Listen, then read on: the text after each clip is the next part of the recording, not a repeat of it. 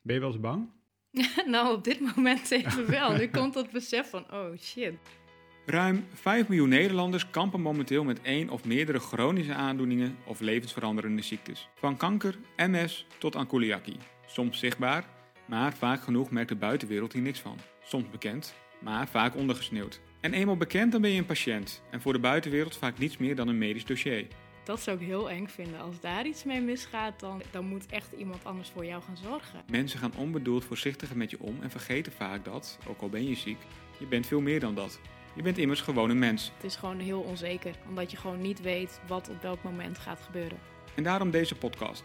Om taboes te doorbreken, Ik ben Janneke, maar ik ben niet de MS. om vooroordelen te bespreken, Nou, da- daar word je gewoon dan heel raar aangekeken. om te lachen en om meer bekendheid te creëren. Die zijn gewoon natuurlijk gewoon bang dat, het, dat je het gejat hebt van iemand om de hoek. Ik en dat ze weet het menen niet. dat zij de volgende zijn. Dat, eh, ik weet het niet.